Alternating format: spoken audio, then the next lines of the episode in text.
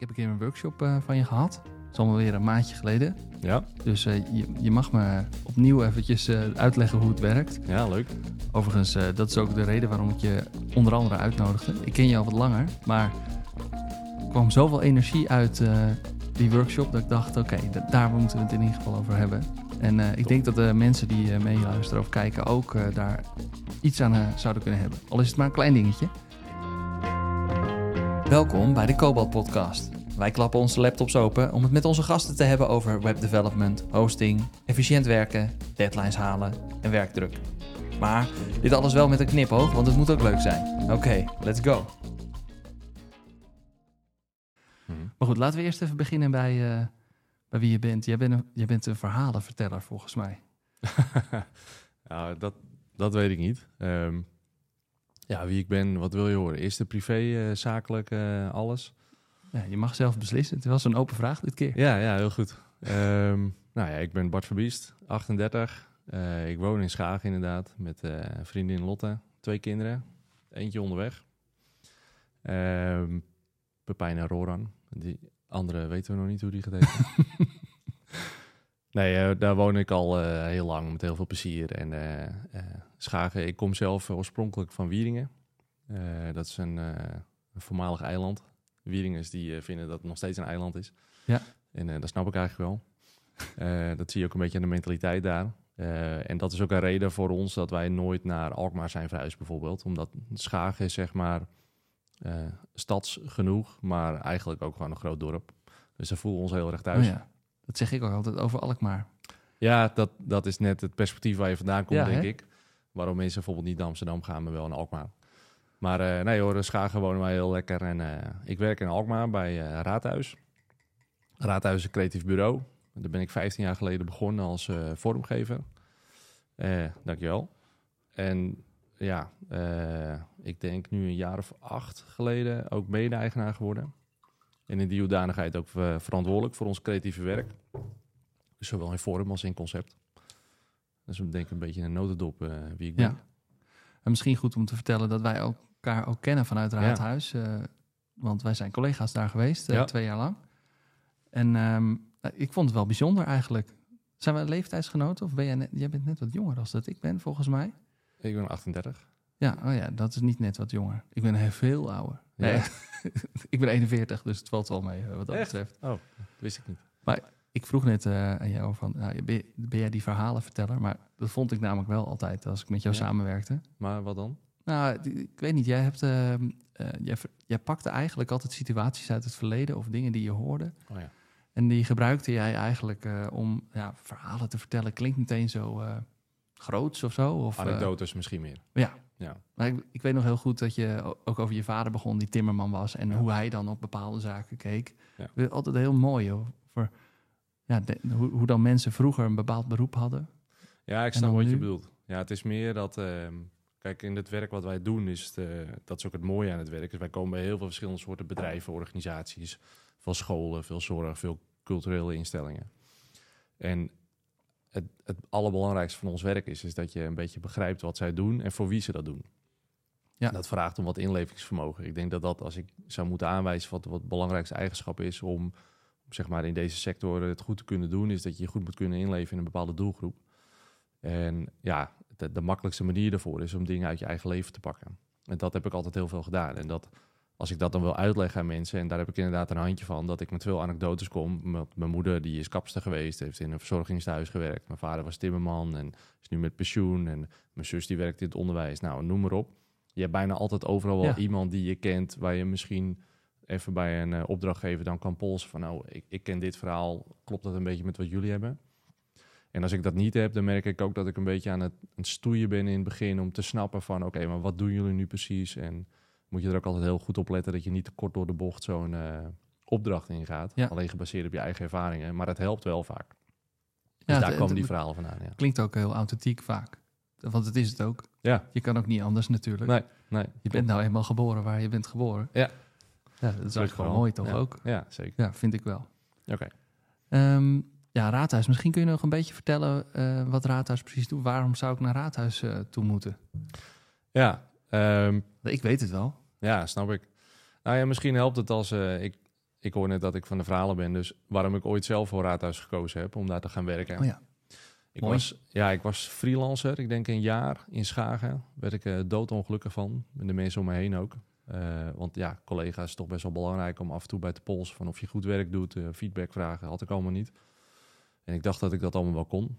Eh, uiteindelijk wel besloten dat ik daar echt ongelukkig van werd. En toen heb ik op goed geluk, of tenminste, ik ging eerst eens kijken in de regio. En toen was een vriendin van mij die zei van, joh, Raadhuis, daar moet je eens naar kijken. Want ik hield op zich wel van bureaus met een Amsterdamse aanpak. Dus echt gewoon een serieus reclamebureau met wat, wat diverse afdelingen. Ik heb ook wel in Noord-Holland veel bedrijven gezien die hetzelfde soort werk doen. Maar dan is het vaak maar één iemand die dan de vormgeving doet. Maar die bedenkt dan ook het concept. En dan plakken ze het ook vaak nog op de auto's.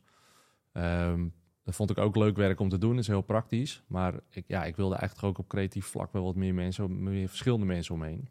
En zij zei toen, nou, je moet Raadhuis eens proberen. En toen keek ik op de website en toen zag ik eigenlijk precies zo'n bureau... als wat ik in Amsterdam eh, ook veel zag. Alleen zonder de mentaliteit. Oh ja. Dus meer met de Noord-Hollandse kop voor Noord-Holland aanpak, zeg maar. Waar ik mezelf heel erg thuis voel. En toen heb ik op goed geluk heb ik een e-mailadres eruit gevist. Dat was toevallig die van Geon. Die toen nog eh, creatief gezien aan het roer stond eh, Ja. daar. En eh, die zei, joh, kom maar langs. En het, het was mijn doel om gewoon mijn portfolio te laten zien. Wat feedback te vragen. En dan weer verder te kunnen. Ik was niet per se op zoek naar een baan. Maar daar kwam het wel op uit. Want dat bood hij aan. En, en ik ben daar nooit meer weggegaan. En dat kwam gewoon omdat het een... ja, het is, het is sowieso... Qua cultuur is het een heel fijn bedrijf. Ik weet nog heel goed dat ik daar kwam en gelijk een arm om de schouder en eh ga lekker zitten. En eh, het waren allemaal super lieve mensen. Ja. Ze waren ook heel goed in hun werk. Ik weet nog wel dat ik ervan schrok hoe stil het was. Hoe iedereen, ik, ik was altijd aan het werk met best wel harde drum en bass thuis. En toen moest ik me opeens concentreren met eh, heel zachtjes Radio 10 op de achtergrond. Dat is nu ook wel veranderd trouwens. We draaien nu meer kink. Dus dat is beter. Maar ja, ik vond vooral de cultuur vond ik heel erg fijn. Maar ze, hebben ook, ze werken ook echt wel voor... eh, het- ik praat nog in een zeurvorm, omdat ik er toen nog niet zo lang werkte. eh, voor echt wel toffe opdrachtgevers uit de regio. En wat daar tof aan is, is dat je je eigen werk terugziet op weg naar huis. Ja. En dat is gewoon heel erg leuk. Ja, en ik denk dat, dat de raadhuis heeft creativiteit altijd heel hoog in het vaandel eh, staan. We zeggen altijd, alles begint bij creatie. Dat is, sinds 1974 is dat niet veranderd en nog steeds niet. Ook al zijn er weer andere mensen aan het roer.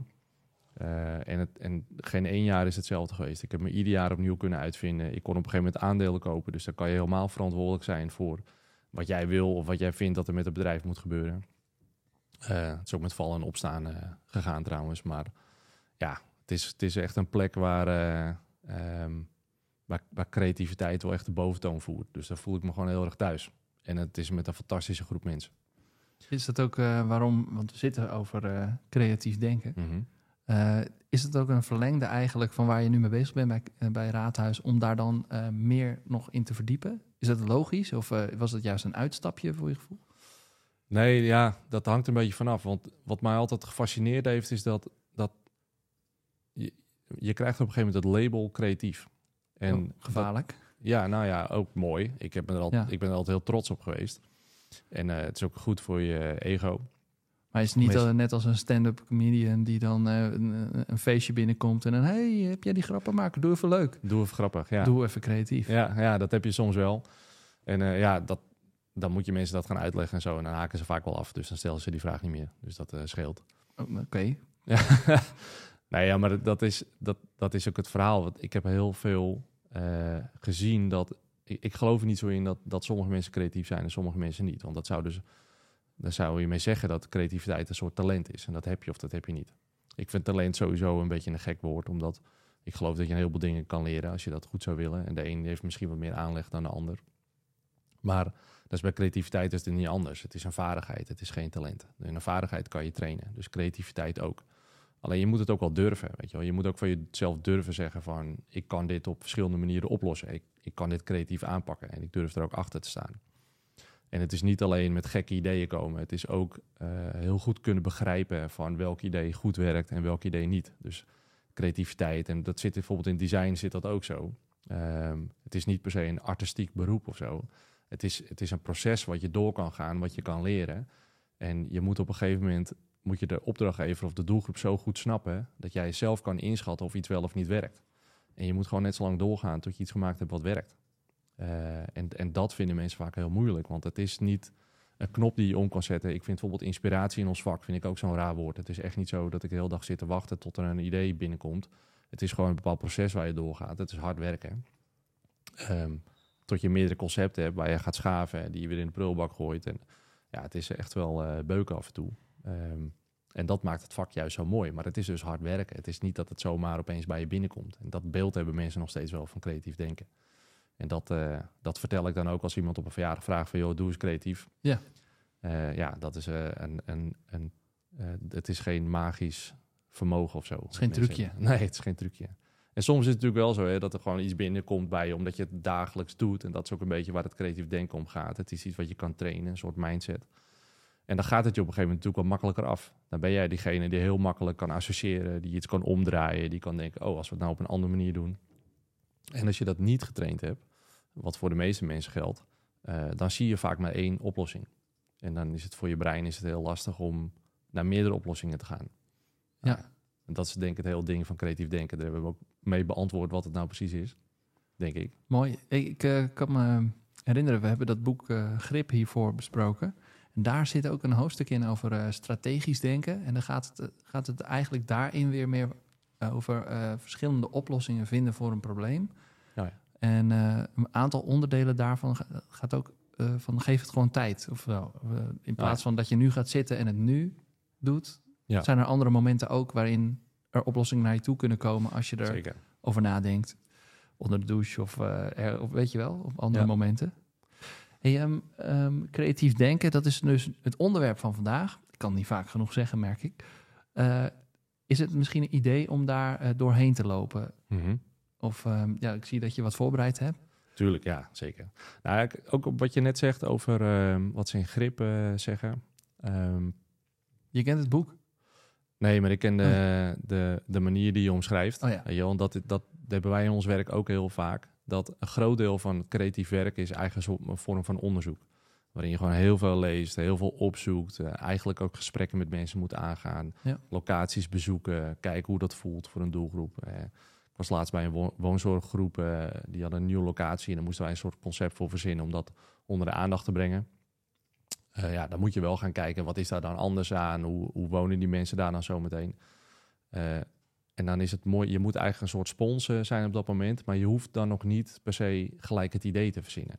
En dat is vaak, dus haal maar zoveel mogelijk op en laat het dan inderdaad los. Nou, bij mij is dat vaak in de auto naar huis. Dat is meestal een beetje gevaarlijk met je notities en zo, maar dat is wel voor mij het moment. Bij andere mensen is dat inderdaad onder de douche, of mensen hebben een klapblokje naast hun bed of zo.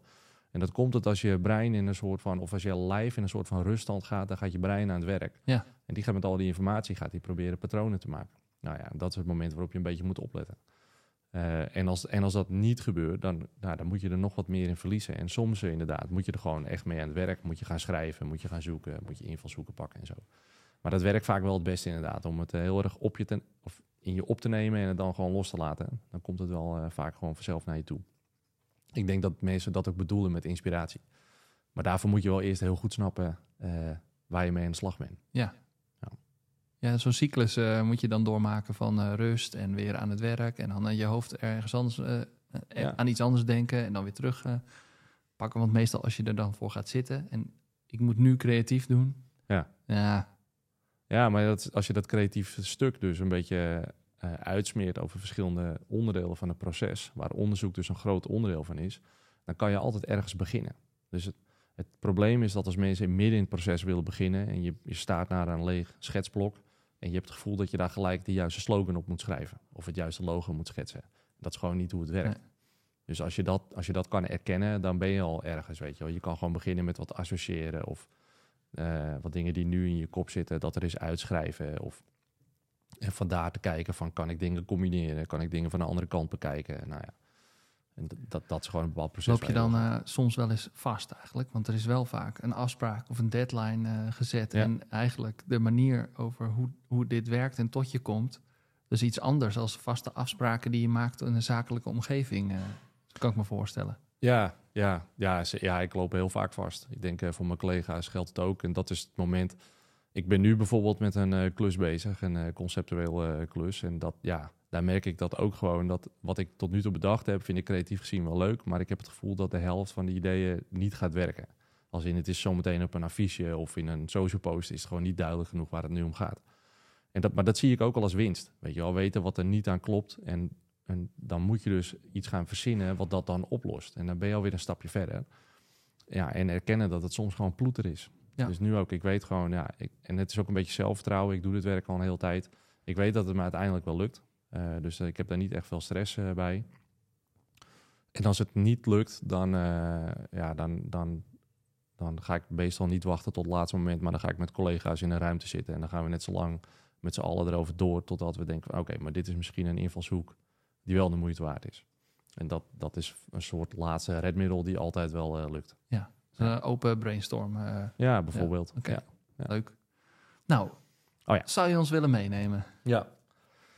Um, nou ja, ik had al een beetje wat verteld over creatief denken. Het is ook um, het probleem met creativiteit is ook dat het een woord is waar veel mensen verschillende ideeën bij hebben. Uh, uh, dus misschien ook wel goed om te zeggen wat we er niet mee bedoelen. En wat we er niet mee bedoelen is een soort artistieke creativiteit. Dus als je bijvoorbeeld naar ons werk kijkt, dan uh, wij zeggen wel eens, we zijn geen kunstenaars. Want kunstenaars die werken heel erg vanuit zichzelf. Wij werken vanuit een opdracht. Wij moeten een bepaald doel bereiken voor een bepaalde doelgroep. Het is ook heel belangrijk dat wij geen eigen stijl ontwikkelen bijvoorbeeld. Wij moeten dingen op een verschillende manieren kunnen laten zien en Ja. vertellen. Eh, want anders ben je snel uitgespeeld. Is, is het zo? Wil je, wil je niet een eigen raadhuisstijl overal overheen? eh, of kom je dat? Ja, Nee, dat zou ik niet willen. Nee, ik zou wel willen dat alles dezelfde kwaliteit heeft. En dus op de- vanuit dezelfde uitgangspunten bedacht. Weet je, wij vinden dat ons werk heel uitgesproken moet zijn. We vinden dat onze opdrachtgevers er heel trots op moeten kunnen zijn. Zodat je intern ook ambassadeurs eh, krijgt. Eh, dat, dat, dat is onze meetlat, zeg maar. Maar hoe het werk eruit ziet, ik zou juist niet willen dat eh, mensen van een afstand kunnen zien dat Raadhuis Ja. dat gemaakt heeft. dat is een keuze. Want ik, ik, her- ik ken wel een designbureau, denk ik, dat het een bureau is. Volgens mij niet zo heel groot. Maar zij hebben een bepaalde stijl. En dat zie je eigenlijk in al hun werk, zie je die, Ja. zie die stijl eh, terugkomen.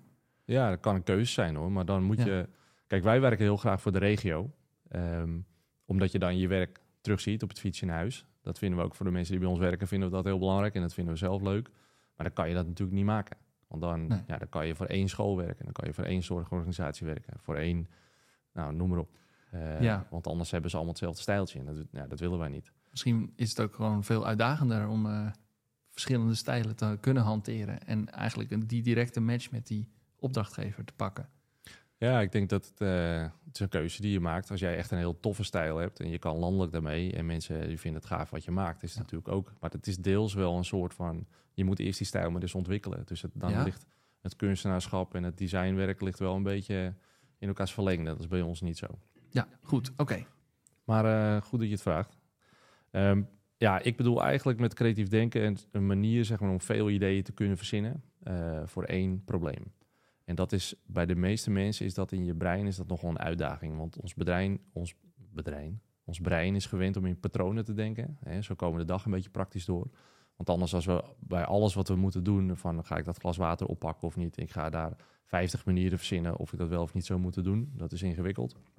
Dus ons brein die wil dat graag makkelijk voor ons maken.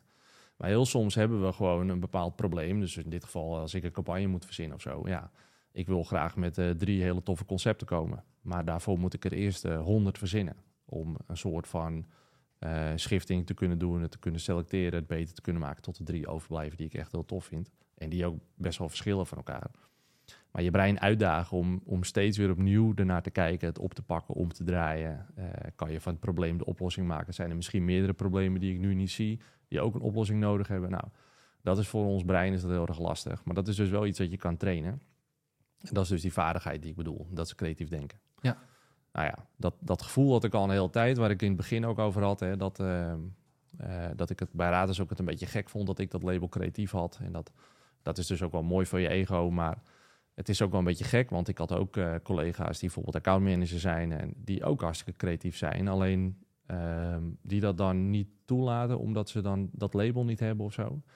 En dat maakt een brainstorm dan ook heel erg lastig. Want dan kan je alleen maar brainstormen met de mensen die ook het label creatief Ja. hebben. Dus dat geloofde ik niet zo. En ik ben op een gegeven moment ben ik op de boeken van eh, Edward de Bono ben ik gestuurd. En dat is gelijk wel een tip voor de mensen die dit tof vinden. Hij heeft een boekje geschreven dat heet Creatief Denken. Het is een heel dun eh, boekje en dat is eigenlijk een soort inleiding tot zijn, eh, hoe zeg je dat? wat hij bedacht heeft. Hij noemt het ook lateraal denken. Dat is een term die hij heeft geïntroduceerd. Waarin je eigenlijk gewoon ingaat op van we hebben eigenlijk in onze moderne onderwijs hebben wij niet een manier waarop we mensen leren hoe ze met denken om moeten gaan. Laat staan met creatief denken. Dus dat we leren om die patronen te doorbreken of dat we leren nieuwe patronen te zien. Uh, en, en het is natuurlijk gewoon spannend voor mensen om te doen. Hè? Want je, ja, je gaat dus ergens aanzitten en je gaat proberen. En je staat dan inderdaad af en toe als naar zo'n lege schetsblad of een lege Word-document. Uh, ja, ga maar eens ideeën verzinnen. Ga maar eens een naam bedenken voor een nieuw bedrijf of zo. Dat moet je wel durven. Ja. Uh, een van de excuses die ik vaak hoor is dat mensen zeggen... ja, je eerste idee is vaak het beste idee. Maar ja, dat is in de praktijk heb ik, is dat bijna nog nooit zo geweest. De beste ideeën zitten vaak in de laatste 20% van het werk dat je doet. Um, en dat is soms wel gestaafd op de dingen die je in het begin hebt gemaakt. Maar het is zeker niet gelijk je eerste idee. Dat is heel zeldzaam. Maar dat denken we dan wel, ook om het gewoon voor onszelf een beetje makkelijker te maken. Zullen we een, uh, een probleem schetsen waar we een oplossing voor moeten vinden? Is dat misschien handig in deze context? Ja, kan. Um, want ik heb namelijk een nieuwe naam nodig voor um, een hondenuitlaatservice. heb je net bedacht of niet? Uh, ja. ja. Of heb jij misschien een betere... Uh, heb je misschien onlangs afgelopen maand, weken iets meegemaakt waarvan je dacht, nou, dat is een mooie, mooi voorbeeld om even te pakken? Nou, kijk, ik denk in, in de hoedanigheid als hoe ik nu uh, werk met creatief denken, dan kijk, een naam bedenken is weer een ander proces. Dat is een heel gericht traject wat je ingaat. Veel schrijven, veel dingen uitzoeken, veel uh, echt gewoon textueel uh, dingen, ja, ja, alliteraties, ja, synoniemen opzoeken, andere dingen. Um, is ook een bepaald proces wat je door kan gaan. Maar ik probeer bijvoorbeeld, creatief denken is ook echt niet iets wat alleen maar voor een communicatiebureau of een reclamebureau van toepassing is. Het kan ook zijn dat jij een productiebedrijf hebt en dat je denkt van, hé, hey, ik heb ergens het gevoel dat we 10% effectiever kunnen werken als we die lijn anders inrichten, maar ik weet nu nog niet hoe. Laten we daar een ah, brainstorm aan wijden. Nou, dat is ook creatief denken. Ja. Wat misschien... Ik dacht te beperkt, uh, merk ik. Ja. Dus nou, het is voor heel veel, uh, en ook voor luisteraars die meeluisteren, het is voor heel veel dingen toepasselijk. En niet alleen maar ja. voor in een reclamebureau om een nieuwe kleur Precies. of naamgeving of huisstijl. Of na, ja, ja. Dat, dat. Dat is wel belangrijk om te zeggen. Nou, ik heb daar een heel mooi voorbeeld van. Wij zitten allebei bij uh, Young Management. Ja. Dan moet je misschien een andere podcast maar wat over vertellen. Ja. Um, mijn eerste bedrijfsbezoek uh, met die club was bij uh, Bakkerij Braas, van Brian Braas. En dat is een paar jaar geleden is dat. Nou ja, een paar jaar, een jaar of acht denk ik. En zij uh, bakken de keizerbroodjes en zo voor de, wat is het volgens mij, voor de Aldi en de Lidl. En daar gaan echt enorm veel van dat soort broden, die gaan door die grote ovens burn. Dus uh, machinaal. En toen was er op een gegeven moment was er een soort van uh, trend, vertelden ze toen, dat die broden een soort van open rug moesten hebben, want dat zag er dan rustieker uit. Oh ja. En dan had hun machinebouwer, die had dan een voorstel gemaakt van hoe ze dan een soort component konden bouwen waarop dat dan machinaal gedaan werd. Dus de, de broden vlak voordat ze de oven in gingen, dan werden die ruggen opengesneden. En dan kreeg je dus dat effect wat die supermarkt graag wilde. Moest iets van 60.000 euro kosten. En toen hadden ze bij Braas zoiets van, ah, misschien kan dat wel slimmer. En toen hadden de engineers, die hadden daar een soort stalen pijp gepakt. En daar hadden ze 20 aardappelschilmesjes op geductaped. En de, wat die doen is eigenlijk die broden die gaan op een soort band, vlak voordat ze de oven ingaan. En voordat ze de oven ingaan, gaan ze dus langs die aardappelschilmesjes... die in een bepaalde hoek stonden en die sneden zo die rugjes open. En die oven ging erin, dat kostte bij elkaar 20 euro of zo. ja, vond ik echt zo fantastisch. Dat is echt een mooi voorbeeld van een creatieve oplossing... wat ook nog eens veel goedkoper is. En gewoon op een andere manier gedaan, in plaats ja. van de geëikte weg. En dat is, dat, is, dat is dus een beetje wat het is. Het gaat niet alleen maar om het bedenken van een campagne of wat dan ook. Het kan voor van alles zijn. Nou ja, er zijn... Uh, um, is dat voor jou zo uh, duidelijk? Wil je gelijk door op hoe dat werkt? Of, uh... Ja, laten we dat doen. Ik, ik, ik ben eigenlijk wel benieuwd. Nou, je had het net over, over Bonen, over het boek. Over, yeah. volgens mij ben je daar ook voor naar Engeland geweest, als ik het goed heb. Oh, ja, ja. Misschien is dat nog even goed om te melden. Ja. Dat het niet zomaar is, iets is. nou ja, ik, ik merk gewoon, ik doe nu 15 jaar dit werk. Um, en ik vind mijn werk fantastisch. Maar ik vind creativiteit in zijn geheel vind ik eigenlijk heel erg leuk. Dus er kwamen voor mij twee dingen samen. Eén is van dat idee van creativiteit is alleen voor een aantal mensen weggelegd. Dat klopt niet. Nou, dat werd ik bevestigd in die boeken van Edward de Bono. Hij is uh, uh, volgens mij in 2019 zoiets overleden, helaas. Uh, hij was arts en psycholoog, kwam van Malta en die heeft onwijs veel boeken geschreven over creativiteit. Hij heeft bijvoorbeeld de zes, de zes denkhoeden geïntroduceerd, die ken je misschien wel. Eh, nou Nee? ja, nee, ken je niet. Nou, ik, ik ben er zelf ook niet super bekend mee, maar het gaat erom dat je dan, als je in een groep zit en je moet met elkaar een besluit ergens overnemen, dat je hebt heel vaak in een groep heb je iemand die kritisch is, je hebt iemand die Ja. altijd Oh ja. overal positief Ja. op is. Nou, hij heeft gezegd van eigenlijk moet je dat niet in mensen zoeken, maar je moet het in momenten zoeken. Dus eh, het is goed dat als je een besluit moet nemen, dat we eerst met z'n allen de blauwe hoed opzetten. En die is heel analytisch. Laten we eerst eens kijken naar de cijfers. Eh, je hebt de gele hoed, die is volgens mij heel positief. Je hebt de rode hoed. Nou, en je hebt de, de groene hoed, is heel creatief. Wat kunnen we hier nog meer verzinnen? Maar dat iedereen in de groep dat dan doet. Ja, draagvlak krijg je eh, dan Ja. beter. Nou ja, en ook voor mensen is het leuker, hè? want als jij eh, altijd aan tafel wordt gezet als die kritische hufte, Ja. dan is dat natuurlijk eh, niet zo. eh, op een gegeven moment vind je dat misschien niet meer leuk. Nee. Weet je wel? En is het voor jou ook wel heel verfrissend om een keer heel creatief mee te denken over iets. Als je ook maar de kans krijgt om even die kritische hoed op te zetten. ja, Maar dat iedereen dat dan krijgt. Nou ja, dat heeft hij bijvoorbeeld geschreven en hij heeft lateral denken geïntroduceerd. En dat vond ik zelf heel interessant, omdat hij ook, er zijn heel veel technieken om te helpen, bijvoorbeeld met brainstormen. Maar ik had nog niet eerder een techniek gevonden die het zo compleet doet als het werk van Edward de Bono. Daar komen we zo meteen wel op. Ja. Eh, ja, en ik vond het eigenlijk wel gaaf, omdat eh, ik merk ook bij opdrachtgevers dat een heleboel communicatieprofessionals die, die vinden dat interessant. En dat ik dacht van, nou, misschien kunnen we daar wel een soort van training van maken. Moet ik dat dan helemaal zelf uitzoeken? Nou, dat wist ik niet helemaal of ik daar wel de persoon voor was. En toen kwam ik erachter dat je dus een Edward de Bono gecertificeerd trainer kan worden. Nou, daarvoor moest ik inderdaad naar Engeland. Eh, bij Holst, een bureau die die trainingen aanbiedt. Zij mogen dat ook. Ze zijn eh, distributeur van eh, de Bono. ja, Nou, daar heb ik een week gezeten, eh, geleerd hoe dat precies allemaal werkt. En nu mag ik zelf trainingen geven. wat goed. Ja. En dat betekent dus zelf dat je binnen Raadhuis waarschijnlijk niet meer ook de enige bent die je kan zeg maar met meerdere mensen de hoed wisselen van het creatief denken. En dus ook niet eh, ben jij degene die alleen maar die eh, stigma heeft van jij bent de creatieveling. Iedereen kan dat nu doen. Nou ja, kijk, sowieso ben ik, ik ben bij Raad sowieso niet de enige. hè. We zijn een creatief Ja. bureau, dus er zijn heel veel creatieve mensen. Ja. En eh, gelukkig zijn we de laatste jaren, hebben heel veel van onze mensen hebben dat wel een beetje van zich afgeschud. Van ik ben account manager, dus ik ben niet Ja. creatief. Of, dus we denken echt wel veel meer met z'n allen na. En dat denken van de bono, dat zit ook wel wat meer in wat we doen. Alleen, ja, je merkt omdat, omdat wij er gewoon al wat beter in zijn, omdat het gewoon ons werk is, hebben wij vaak die technieken niet per se nodig. Eh, maar als ik bij opdrachtgevers ben die bijvoorbeeld een productiebedrijf hebben, nou, zo'n voorbeeld wat ik net gaf van eh, die bakkerij. Voor hun kan het wel heel interessant zijn om het eens vanuit een andere hoek te benaderen. Want Ja. dingen kunnen altijd beter, het kan altijd slimmer, het kan altijd mooier. Eh, je moet gewoon, dat is ook zo'n ding. Als iets, we, vaak willen we alleen maar een oplossing verzinnen voor een probleem. En we willen nooit een oplossing verzinnen voor iets wat nog geen probleem is. Weet je wel, wat misschien al goed gaat. Weet je wel, je hebt gewoon een productieproces, je verdient er geld aan. Maar ja, weet je wel, het kan best wel lonen om gewoon één keer per kwartaal daar een sessie aan te wijden. Van ja, stel je voor dat je daar 5% winst eh, mee pakt. Of 1%. Bij een heleboel eh, bedrijven gaat dat gewoon ook om serieus geld. Eh, maar ja, het hoeft niet alleen om geld te gaan. Het kan ook zijn dat je het werkgeluk van je mensen vergroot bijvoorbeeld. Nou ja, dat is volgens mij zeer de moeite waard als we daar met z'n allen wat structureel eraan werken. En dat, eh, dat, dat lijkt mij leuk om te doen. En daarom ben ik dat toen in Engeland gaan doen. Wauw, mooi. nou, neem ons eh, mee eh, op, in je Ja. verhaal. Nou, er zijn ehm, in die techniek van de Bono zijn eigenlijk drie onderdelen. En dat is tegelijkertijd waarom ik daarvoor gekozen heb. Want de meeste technieken, die, dat zijn een soort van eh techniek om ideeën te genereren. Maar wat super belangrijk is bij een brainstorm bijvoorbeeld, is dat je de juiste vraag stelt. Het is zo belangrijk voor mij dat ik het op mijn arm eh, getatoeëerd heb. Dat, eh, wat jij misschien weet met die vraagtekens. Oh ja, dat Ja. eh, ja, Dat is ook iets wat Einstein ooit gezegd heeft. Ik weet niet of ik het precies goed zeg. stel de juiste vragen. Is, was was het idee erachter, ja? En wat, Nou, wat zei hij? als je een uur hebt om een antwoord te vinden, moet je 50 minuten besteden aan het stellen van de juiste vraag. Daar zit het vaak al in. Eh, daar heb je heel veel variaties op. Maar dat is bij Edward de Bono's techniek is dat ook zo. Hij noemt het de focus.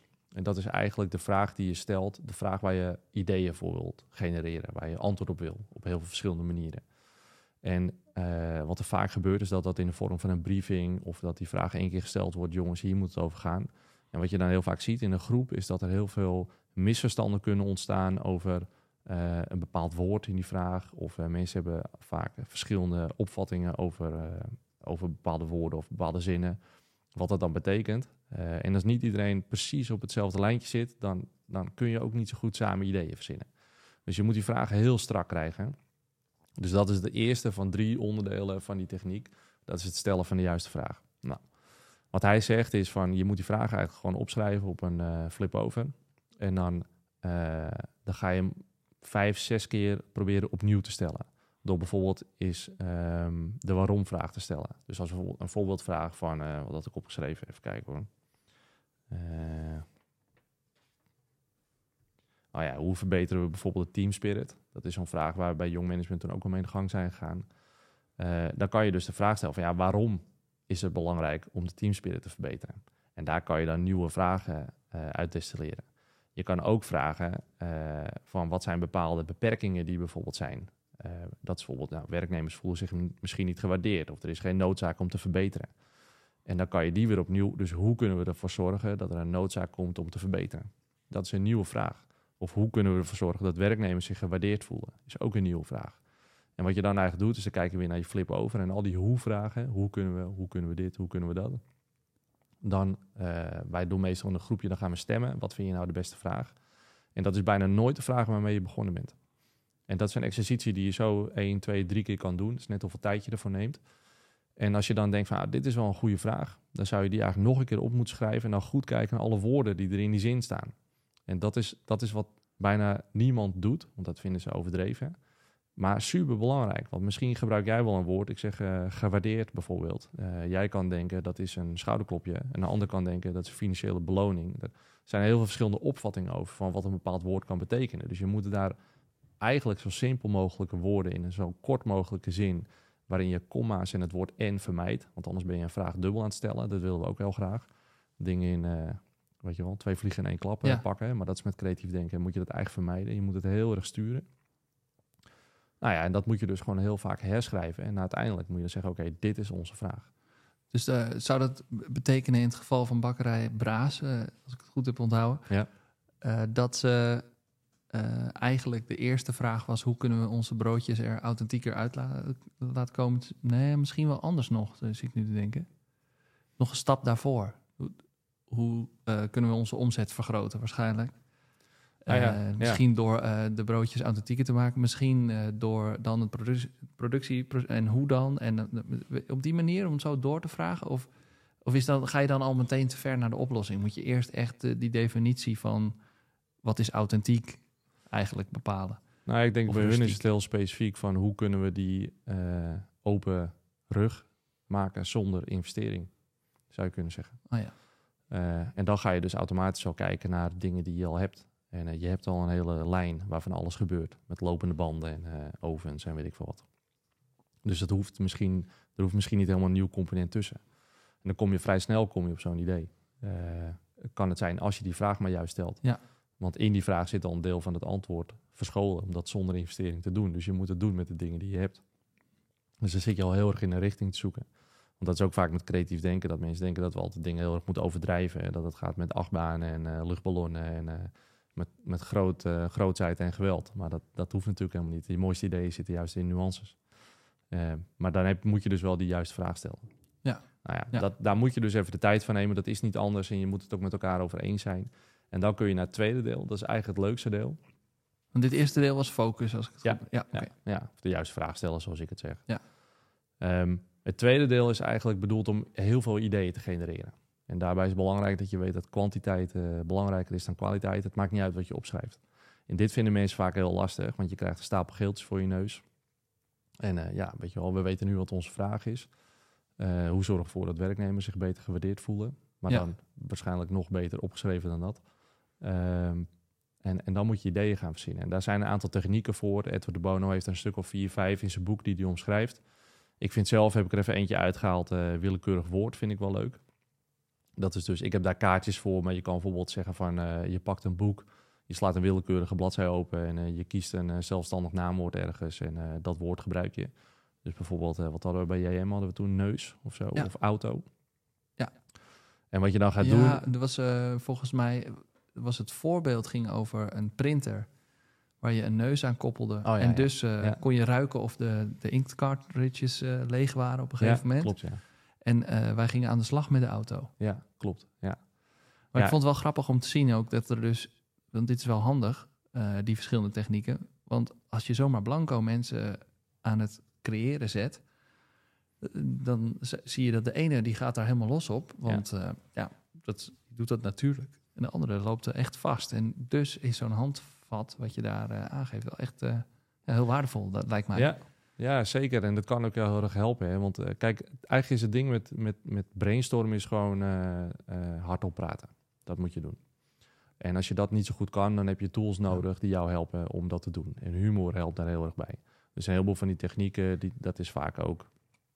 krijg je wel een glimlach van. Weet je wel, eh, dat is bij willekeurig woord ook. Als jij in, met een heel serieus onderwerp bezig bent... eh, hoe je een eh, proces in een ziekenhuis bijvoorbeeld kan verbeteren... waar gewoon echt mensenlevens van afhangen... en je koppelt daar een willekeurig woord aan en je noem je clown, ik zeg maar wat. Ja, dan is dat, daar daar dat is eigenlijk een beetje wat Edward de Bono zegt van, daar doorbreek je al zo'n patroon, patroon mee in je hoofd. Weet je wel? Die gaat van probleem naar oplossing. En jij zet, zet er dan het woord clown, zet jij ertussen. Ja. En dan moet je maar eh, proberen daar dan oplossingen mee te verzinnen. Dus je bent het al een beetje aan het verstoren. En dat is precies wat er voor nodig is. Want dan moet je opeens nieuwe verbanden gaan leggen met een woord die daar helemaal niet thuis hoort. En dat is juist heel erg leuk. En de manier om dat te doen is dat je, nou, wat wij bijvoorbeeld bij die printer hadden inderdaad, dat we zeiden, nou, het, willekeurig woord is neus. Ehm, eh, wat zijn nou vier karakteristieken van een neus? Dus je hebt neusvleugels, je hebt reuk, je hebt, nou, noem maar op. En dan ga je op die karakteristieken ga je antwoord geven op je vraag. Nou, in het geval van het verbeteren van die printer was dat inderdaad zo dat je met reuk iets zou kunnen doen, dat je weet wanneer de toon erop is. Of eh, ik geloof dat de karakteristiek was ook niezen. En er was een ander idee, was eh, een soort eject-knop voor als je een paperjam hebt. Dat hij het papier zo uitspuugt. Nou, je kan daar een heleboel ideeën van verzinnen. Ja, of twee neusgaten kwamen er langs ook. Dat je een soort, dat je dat twee gaten, dus dat je zeg maar twee keer een plek hebt voor een cartridge. Dat je Oh, dus ja. eigenlijk je backup cartridge al eh, Ja. kan invoeren. Ja, klopt ja. Heel mooi. Ja, kijk, en vaak zijn dat soort ideeën nog niet je eindideeën, maar dat, dat hoeft ook niet. En dat houdt mensen ook vaak tegen. Die willen alleen iets opschrijven wat eigenlijk, ze willen het gelijk beoordelen ook. En dat is een knop die je echt moet omzetten, daar gaat het nog helemaal niet om. Want je zit in een proces waarin je eigenlijk gewoon zoveel mogelijk ideeën wil genereren. En je moet blij zijn dat je iets hebt bedacht wat nog niet helemaal goed is, maar wat wel een bepaalde richting heeft. Want als je dat dan later weer tegenkomt, denk je van, dit, dit is het nog niet, maar er zit hier wel wat. En dan kan je bijvoorbeeld nieuwe ideeën rondom verzinnen. Dat is in het derde onderdeel, is dat zo. Dus ik probeer mensen er ook altijd in gerust te stellen, maar toch merk je dat je ze heel erg moet helpen met veel hardop praten van wat kan je er dan mee? En gekke ideeën verzinnen ook, maar ook wel proberen met nieuwe inzichten te komen. En daar kan zo'n techniek heel erg bij helpen. Dus ik zet meestal eh, maximaal twee van dat soort technieken in. En ik heb ook geleerd dat je eigenlijk eh, automatisch, omdat ik het leuk vind, besteed ik heel veel tijd aan dit tweede deel. Maar het is veel belangrijker om heel veel tijd te besteden aan het eerste deel en aan het laatste deel. Want het laatste deel dat gaat over het verzamelen van je ideeën. Dus als je het goed hebt gedaan, hè, je hebt een kwantiteit gewerkt, je hebt misschien 50 ideeën verzonnen in 20 minuten, ik zeg maar wat. Eh, of misschien wel 100. Heb je allemaal geeltjes voor je neus, die ga je sorteren. En je gaat eigenlijk eh, groepen maken van dat je denkt van nou, dit zijn dit is eigenlijk een groep ideeën, dit is meer een concept. Weet je wel, het is nog niet echt een idee, het is eh, nog even te grote vaag. Ik kan het niet gelijk uitvoeren, maar het is meer een denkrichting. Is dat Eh, dan je- een categorie of zo? ja, Of, je eh, zou het een categorie kunnen noemen, ja. Ehm, dus bijvoorbeeld voor die printer zou het kunnen zijn toner, dat je opschrijft of zo. We moeten iets met die toner doen. Of eh toner abonnement. Dat is al een beginnend idee, is dat. Dus dat zijn de categorieën, of dat zijn de onderdelen waarin we vaak sorteren. Dus je hebt een beginnend idee, je hebt een goed idee, of een idee in ieder geval. En je hebt een concept slash categorie inderdaad. Nou ja, eh, en die ga je dan sorteren. Dat is een beetje een saai werkje. Eh, maar dan kom je erachter dat je je concrete ideeën, dat zullen waarschijnlijk nog niet zo heel erg veel zijn. Dat zijn de ideeën die je eigenlijk nu kan uitvoeren. Eh, dat is gewoon een product wat je nu kan maken. Dat is een, een campagne die je nu kan starten. Het maakt niet uit. Het zijn die aardappelschilmesjes eh, waar ik het eerder over had. Dat is iets wat je nu gewoon in elkaar kan maken. Je kan kijken of het werkt. Eh, maar dat idee heb je misschien niet meteen. En dan, als je dat gesorteerd hebt, dan ga je kijken van, eh, dat noemen we de oogst. Of tenminste, we, dat noemt Edward de Bono de Ja. oogst. Dan ga je kijken of je die oogst kan eh, vergroten. Dus dan ga je kijken, oké, dit is wel een goed idee. Kan ik nog vijf versies van het idee opschrijven, wat het net anders maakt, waardoor het misschien nog iets beter wordt. En weer kijken naar je vraag, naar je focus. Kan ik hem nog scherper zetten? En eh, als je het echt goed sorteert, dan sorteer je het ook binnen concepten. Dus dan kan je bijvoorbeeld ook zien van waar de gaten zitten in je, in je plan. Dat er misschien een heel gebied is wat heel belangrijk is, waar je gewoon nog geen concreet ideeën voor hebt. En dan ga je op dat moment ga je ook aan de slag met die ideeën. En dan kan je bijvoorbeeld weer willekeurig woord of een andere techniek pakken om dat weer te doen, om daarbij te helpen. Of misschien heb je het niet nodig, want er liggen al een heleboel geeltjes. Maar in ieder geval, dat proces is ook heel erg belangrijk. En daar ligt eigenlijk het echte goud. Dat is die laatste 20%. Bij de oogst. Ja, bij de Ja. oogst. Echt Ja. daar. Ehm, en dat is ook het punt waarop eh, eh, mensen aangaan dat zeggen... ja, maar dit is echt een goed idee. Weet je wel? En als je hem dan nog scherper gaat proberen te krijgen... dat mensen, oh ja, maar nu is hij eigenlijk nog beter. Dat, dat is eigenlijk wat je wil. Ehm, ja, en dat, dat, dat, dat noemen we dus een soort verrijkingsproces. Dan ga je proberen nog, nog beter te krijgen. En dan komt het punt waarop je dus mag beoordelen. En tot dat punt mag je dat dus eigenlijk niet. Ook niet in je hoofd. Je moet gewoon opschrijven wat er in je opkomt. Dat vinden mensen vaak lastig. Maar dat is dus iets wat je moet trainen. Ehm, en dat er zijn een heleboel eh, ingewikkelde dingen voor. Het kost vaak ook veel tijd. Eh, ik maak dat vaak wat praktischer door ze op een matrix te zetten. Dus eh, je hebt dan twee assen. De, de, wat is het ook weer? De, de verticale as is van uniek, van heel uniek naar niet uniek. En de horizontale as is van niet haalbaar naar heel erg haalbaar. En dan wil je alles dat natuurlijk in het kwadrant zit van heel haalbaar en heel uniek. Dat zijn vaak een beetje de goede ideeën. Ja. En dan gaan we met een groepje, daar plak je dus de geeltjes in op. Eh, dan gaan we met een groepje kijken en dan stemmen wat we de mooiste ideeën vinden. En als het goed is, hou je dan wel een mooie top 3 of top 5 over van ideeën die je zo kan invoeren en ehm, eh, die ook nog eens heel bijzonder zijn. En dan is eigenlijk de sessie klaar. Dan heb je het creatief denken heb je gedaan. En dan moet je het nog gaan doen. Dat, Maar wat ik wel een beetje mis is dat we het eerder hadden over je moet eh, zaken ook de tijd geven. Mensen hebben nu allemaal creatieve ideeën bedacht. Maar eigenlijk heb je dan ook meteen Ja. drie, vier, vijf praktische zaken waar je mee aan de slag kan. Ja. Maar waar zit dan die tijd die het nog, eh, hè, het eh, inmasseren in mensen hun brein en dan eh, er later achter komen dat er, nog dat er nog misschien een betere variant is? Ja, nou ja, het ding is een beetje... dat- je hoeft dit natuurlijk niet maar één keer te doen. Het is ook geen eindstuk. Nee. Oh, ja. Nee. Wij zeggen, ik merk dat wel vaak. We zeggen ook helemaal niet van, joh, dit zijn nou die ideeën, zo moet je ze uitvoeren. Als jij morgen wakker wordt en het kan nog beter, dan moet je dat natuurlijk Ja. lekker doen. Het is een zaadje of zo Ja. wat- je plant. Ja. Ja. en het is ook gewoon de techniek. eh, het is ook niet iets wat je eigenlijk één keer moet doen. Dan heeft het ook gewoon niet zoveel zin. Je moet het gewoon vaker doen en ook gewoon er steeds beter in worden. En als je erachter komt van, ah, eh, dat heb ik ook vaak, dat mensen het lastig vinden dat we maar met één vraag aan de slag kunnen. Want er zijn eigenlijk nog drie dingen heel belangrijk. Oh. Nou, dan ga je een week later zitten en dan pak je iets anders op. Eh, maar je kan dat gewoon niet combineren, want anders krijg je een heel eh, weerwar aan eh, vage ideeën die niet concreet genoeg zijn, Ja. waarin je dingen probeert te combineren die misschien niet te combineren zijn. Of die wel te combineren zijn, maar in ieder geval niet in eerste instantie. Nou ja. Dus dat, dat, dat, de tijd geven, dat is soms wel eens goed als je echt met een vraagstuk zit eh, waar je je echt in moet verdiepen. Maar dit gaat meestal over dingen waar je mensen aan tafel zet die daar al verstand van hebben. Dus als je bijvoorbeeld dat productieproces wil Ja, van verbeteren, die bakkerij. Dan zorgen dat je de engineers aan tafel zet die al heel goed weten hoe dat machinepark eruit ziet. Ja. Dus die hoeven dat geen tijd te geven. En maar het, wat voor hun dan juist zo belangrijk is, is dat ze iets moeten verzinnen eh, buiten de gebaande paden. En daar is die techniek voor bedoeld. En daarom kan je dat wel achter elkaar doen. Want die scheermes, of eh, die eh aardappelscheermes, nee, aardappelsnijmesjes, die passen natuurlijk helemaal niet in hun dataset van leveranciers waar ze uit materialen kunnen bestellen, bijvoorbeeld. Ik zeg het een beetje precies. gek, maar Nou ja, precies. Maar dat is misschien meestal hoe je dat doet. Ja. wel. dus dat- dat, is wat ik bedoel met buiten be- gebaande paden gaan denken. Dus ja, Ja. oké, leuk, mooi. Is het ook eh, heel belangrijk om met meerdere mensen dit te doen? Of kan je dit ook eh, in je eentje of met z'n tweeën doen? Nou, dus dat, dat- draagvlak wat je zei met die hoeden. En, Ja, kijk, als je deze techniek wil doen, dat moet je eigenlijk gewoon met meerdere mensen doen. De, de meningen zijn er heel erg over verdeeld, de onderzoeken ook. Of brainstormen überhaupt wel zin heeft. Ehm, eh, ik merk of wel, überhaupt wel zin heeft. nou ja, of tenminste wat het nut is van brainstormen als je dat niet goed begeleidt, zeg maar, dat sowieso. Eh, het is vaak, wordt het heel erg in, ingezet als een manier om mensen te betrekken. Dus dan wordt er ook een groep mensen Oh, ja. neergezet die niet per se eh, het beste zijn voor die klus, maar eh, die je in ieder geval wil betrekken om een soort draagvlak te krijgen Ja, binnen je organisatie. Ja, ik hou er niet zo van. Ik snap wel dat draagvlak belangrijk is, maar ik denk dat je dat op een andere manier moet doen dan, want anders dan, ja, weet je wel, eh, wat je ook gewoon vaak ziet is dat er dan dingen uitkomen waar eigenlijk niemand echt achter staat met een soort compromis. Dus we gaan het later toch anders doen en dan krijg je een averechts effect. Ja. Dus eh, Of er, ja, er wordt toch niet naar me geluisterd. Maar ik Nee. heb wel het beste idee. dan krijg je dat een beetje. En, eh, maar als je deze techniek, dat, dat, dat kan je in je eentje doen. Eh, maar het is beter om dat samen te doen. Want je kan gewoon heel erg bevragen aan elkaar. En het is ook heel belangrijk dat je als iemand met een idee komt, dat jij er bijvoorbeeld op doorgaat, weet je wel. En eh, ja, dat, als je dat in je eentje moet doen, dan, dan heb je ook alleen maar de output van één persoon. Terwijl in het begin is het eigenlijk zo belangrijk dat je met zoveel mogelijk ideeën komt. Dus ja, dat is logisch ook. Des te meer mensen, des te meer ideeën. Maar dan moet wel iedereen het iedere keer trainen. Ja. Want anders, eh, in het begin zal dit gewoon lastig zijn. In het begin zal mensen echt hulp nodig hebben om, om iets op die geeltjes te schrijven.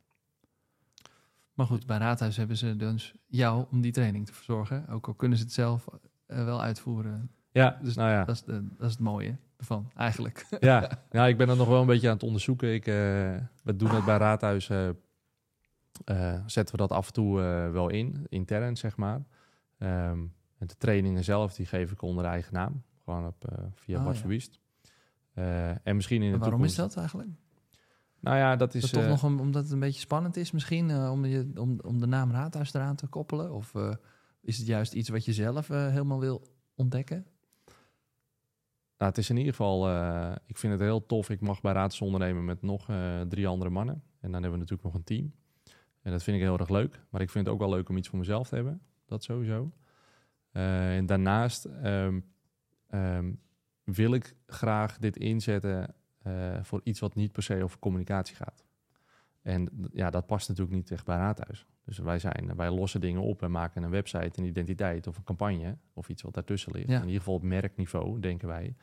En dat zit natuurlijk ook in mijn ervaring, maar ik zou ook heel graag dit in willen zetten om eh, bedrijven te helpen eh, om hun eh, processen te verbeteren. En dat kunnen processen zijn waar ik misschien helemaal geen verstand van heb, maar ik kan ze wel helpen om tot nieuwe inzichten te komen. Ja. En dat, dat lijkt mij een heel eh, toffe set om te doen. En dat ligt niet per se in het DNA van Raadhuis. En ik denk ook niet dat dat handig is dat dat in de toekomst eh, heel erg iets van Raadhuis wordt. Dat wij een soort procesverbeteraars worden of zo. Of, eh, dat, dat is niet voor ons. Het is ook eigenlijk best bijzonder dat Raadhuis dan degene zou zijn die die aardappelschilmesjes Ja. heeft geregeld. Dat Ja. gaan we natuurlijk helemaal niet doen. Nee, Oké, ehm, kunnen we wel een mooie poster van maken. Ja, precies. Ik vind dat wel mooi. Dus eh, misschien ook goed dan om meteen te melden dat eh, mensen kunnen natuurlijk contact op- met jou opnemen via Raadhuis. Ja. Eh, raadhuis.com is de website. Bezoek hem. Een nieuwe identiteit sinds een aantal weken, Ja, denk ik. Ja, ja. ja. ja. een maandje nu denk ik. ja, ja. Heel mooi. Ik kwam van de week bij jullie binnen en ik moet zeggen, ik was er erg onder de indruk. Ook, Oh, tof. eh, alles was helemaal doorgevoerd van binnen en buiten. Ja, als je zo'n voorbeeldpositie hebt, dan moet je het zelf ook goed doen, hè? Ja, ja, vonden wij ook. Terwijl je een, eh, een uitdrukking hebt eh, dat de schilder zijn eigen huis niet schildert, is dat bij jullie dus anders. eh nou, Sinds kort is dat bij ons anders. hè? ja, nou, super mooi. maar eh, mensen kunnen misschien ook jou persoonlijk dus contacten. Ja, dat mag. Ik, eh, ik ben er nog een beetje voorzichtig in, maar je kan naar bartverbiest.nl. En daar heb ik een beetje uitgelegd wat dit precies inhoudt. En dat moet eigenlijk eh, nog wat meer vorm krijgen. Maar eh, ja, als mensen denken van, joh, dat vind ik wel tof, dan kunnen ze zeker even contact opnemen. Ja, en als de mensen zelf aan de slag willen, naar aanleiding van deze talk, Ja? ehm, zijn er nog, eh, ja, je hebt geeltjes, had je het over. Mhm. Zijn er nog meer tools of tricks die, die, handig zijn hierin? Nou ja, kijk, als je dit interessant vindt, dan zou ik sowieso beginnen met het boekje van Edward de Bono, Ja. dat creatief denken. Ik denk dat die heel erg scheelt. En hij heeft meer boeken geschreven. Ehm, als je, da- daar kan je eigenlijk wel al mee aan de slag. Hij legt er ook een beetje in uit hoe dat dan werkt met die vraagstellen en hoe het werkt met, nou, dan kan je dat uitproberen. En als je daarna denkt van, ah, ik heb hier meer hulp bij nodig, dan moet je eigenlijk wel eh, met iemand zoals ik, er zijn er meer, er zijn er een paar in Nederland, volgens mij een stuk of vijf, eh, die die trainingen mogen geven. En dan zou je, want het hoeft niet per se een training te zijn, hè? Het mag ook een workshop zijn. Eh, wat ik een paar keer heb gedaan dit jaar, dat ik gewoon bij bedrijven kom en dan, dan gaan we samen aan de slag met één zo'n vraag en dan Ja. help ik ze gewoon mee. En dan ben ik na een halve dag of een dag ben ik ook gewoon weer weg. Het hoeft niet per se een training gelijk te zijn lekker. waarin je leert eh, hoe dat werkt. Ja, ik vind eigenlijk stiekem dat vind ik leuker, want dan kan ik ook meedoen in plaats van dat Ja. ik andere mensen trainen hoe ze de techniek moeten gebruiken. Dus zo'n workshop vind ik eigenlijk leuker. Dan zou je dat eigenlijk moeten overwegen, Oh ja. denk ik. Supergoed. Hey, en eh, je zei al, ik heb een, een algemene vraag over die ik aan iedereen stel. Van wat is eh, je favoriete eh, muziek wat je luistert eh, tijdens het werk of om het werk heen? Oh ja. Maar je gaf net aan dat, je, dat jullie Kink op hebben staan en dat het al veel beter was als Radio 10, voor jouw gevoel. Ja. Maar stel je zet de koptelefoon op en je gaat aan de slag. Ehm, is, het dan, wat, wat, is dat dan ook Kink? Of, Eh, nou, wel, ja, niet helemaal. Ik heb sowieso, ik heb een beetje over die vraag nagedacht en gerealiseerd dat ik heel erg ben opgevoed met muziek en dat eigenlijk nog steeds wel luister. Dus ik heb een kant van mijn vader Dat is eh, Pink Floyd en U2 en Dire Straits. Nou, waar ik eigenlijk alleen veel Pink Floyd en U2 van overgehouden heb.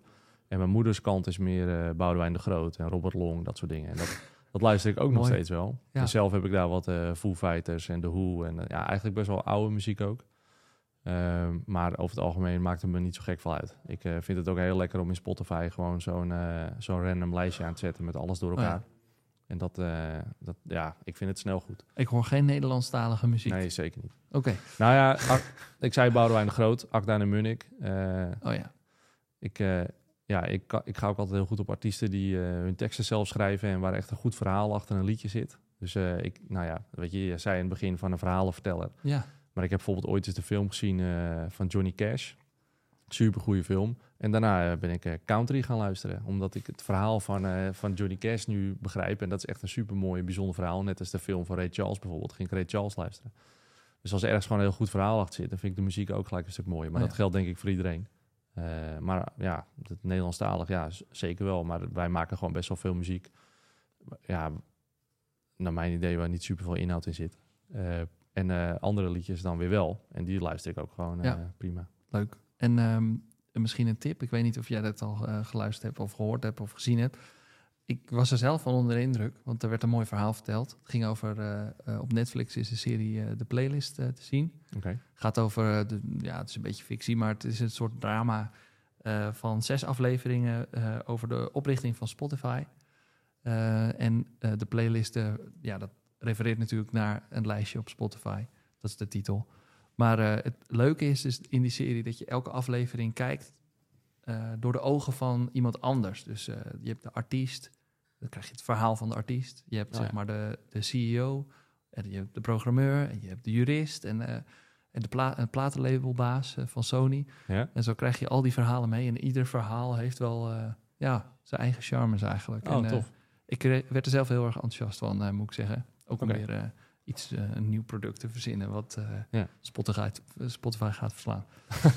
maar goed, ehm, ja, lunch. Jij eh, gaat zo meteen naar Raadhuis, eh, vertelde je Mhm. net. Want jullie lunchen daar samen. Maar ehm, stel eh, je, je favoriete lunch, wat zou dat dan wat zou dat zijn? Ja. Nou, ik heb natuurlijk wel dingen die ik lekker vind, maar ik zie eh, eten eh, vaak als iets eh, gewoon brandstof in de tank. Ehm, moet ik eerlijk zijn. Dus ik, ik sport veel en dan eh, ik vind het belangrijk dat ik alle dingen goed binnenkrijg. Dus ik kijk, kijk vooral naar eh, voedingswaarde. Eh, maar waar ik toch wel blij van word is gewoon goed bruin brood met iets met ei of zo erop. En een beetje zout, veel peper. Daar word ik eigenlijk wel heel gelukkig van. Ja. Ja, lekker hè? Broodje pindakaas vind ik ook nog steeds goud. Hoe ingewikkeld kan het af en toe zijn? eh. Ja. Nou, mooi. Eh, ja, ik denk eh, dat ik nog een laatste vraag heb. Eh, zijn, er, zijn er wat zaken die ik nog niet heb gesteld, die je nog wil meegeven aan de mensen? Nou, volgens mij hebben we best wel veel verteld. Ja. Nee, ik zou het niet weten. Volgens mij zijn we er wel. Alright, cool. Nou, mensen, neem contact op met, met Bart. Ehm, ik zal alles in de show notes ook goed neerzetten. Ik heb best wel meegeschreven, dus dat komt helemaal goed. Dankjewel. Ja, graag gedaan. Ook bedankt. Dat was heel leuk. Mooi. Doei.